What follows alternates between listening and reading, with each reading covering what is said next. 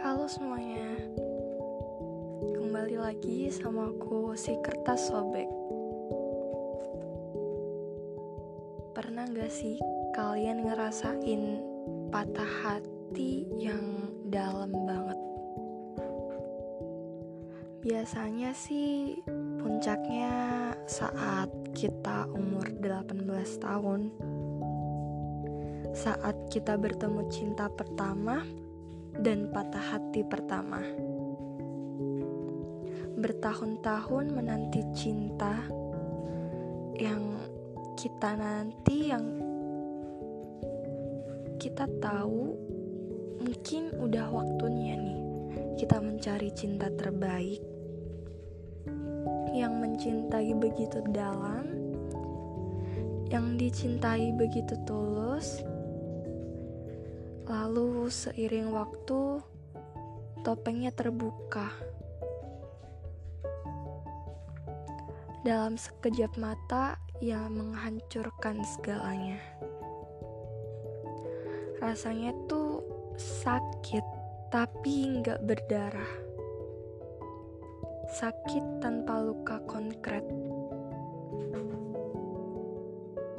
Terlalu susah untuk mengetahui bagaimana dan di mana harus diobati. Cinta itu butuh konsekuensi, dan konsekuensinya itu adalah keselamatan hatimu, keselamatan dirimu sendiri. Bahkan sampai traumanya jatuh cinta, kita bahkan gak bisa buka hati buat seseorang yang baru. Buat seseorang yang cinta ke kita kita nggak bisa buka hati. Karena ya yang masih di pikiran kita orang lama. Cinta lama belum sepenuhnya hilang tapi kamu sudah datang. Bukan waktu yang tepat. Tapi ya gimana ya orang aku masih sukanya dia, lalu kau mencobanya untuk membuka hati baru, namun bukan dia yang kuinginkan. Bahkan ketika aku sudah membuka hati yang baru untuk yang kedua kalinya, dia bahkan jauh dari kata tulus jauh dari kata dia adalah the best person.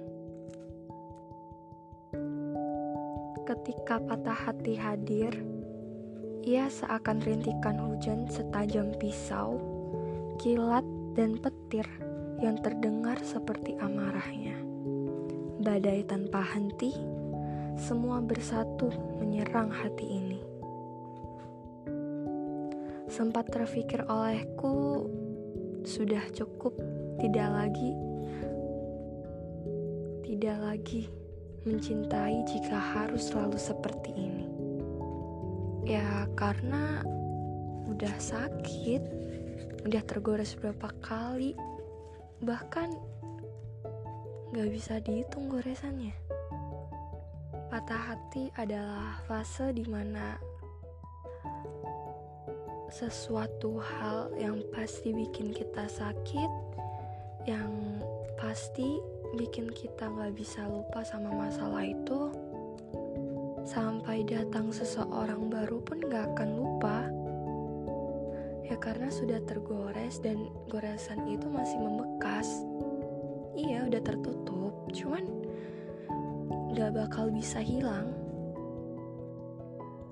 trauma yang kita hadapi itu beda sama apa yang kita lalui. Pasti ada yang lebih penting daripada cinta dalam hidup ini. Tapi apa? Kebahagiaan diri sendiri. Emang bisa? Kita menciptakan bahagia itu dalam diri kita sendiri tanpa seseorang tanpa orang yang kita suka. Aku butuh orang yang bisa sama aku selamanya, meskipun dalam keadaan suka dan duka. Cuman, kenapa orang itu nggak bisa menetap? Dia selalu hadir, namun dia juga pergi, meninggalkan yang ketika aku lagi butuh, tapi dia udah ada yang lain.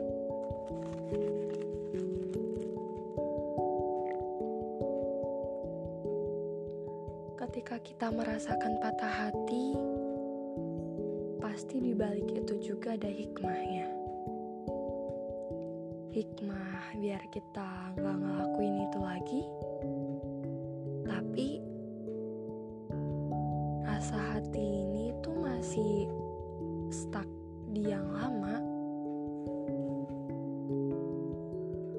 Orang lama akan menjadi the most favorite person, tapi di lain sisi hal juga orang lama yang udah ngebuat kita trauma.